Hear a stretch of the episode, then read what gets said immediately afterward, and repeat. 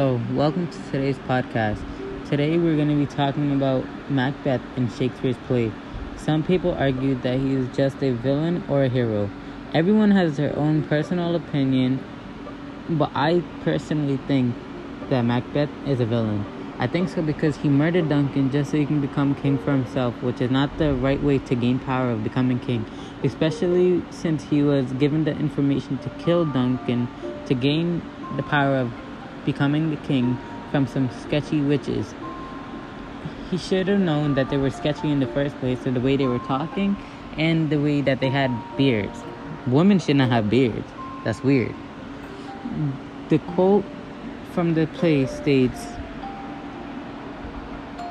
Stay and tell me more. Speak, I command you. The witches vanish.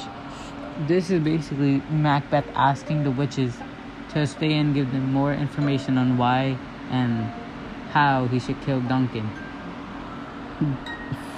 First off, Macbeth should have questioned himself, thinking, Isn't that suspicious?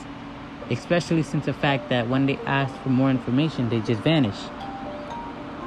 I also think that he's a villain because he did not only kill Duncan, he killed other victims who he thought would have ratted him out since it was like a more villainly villainly like thing to do more than a hero.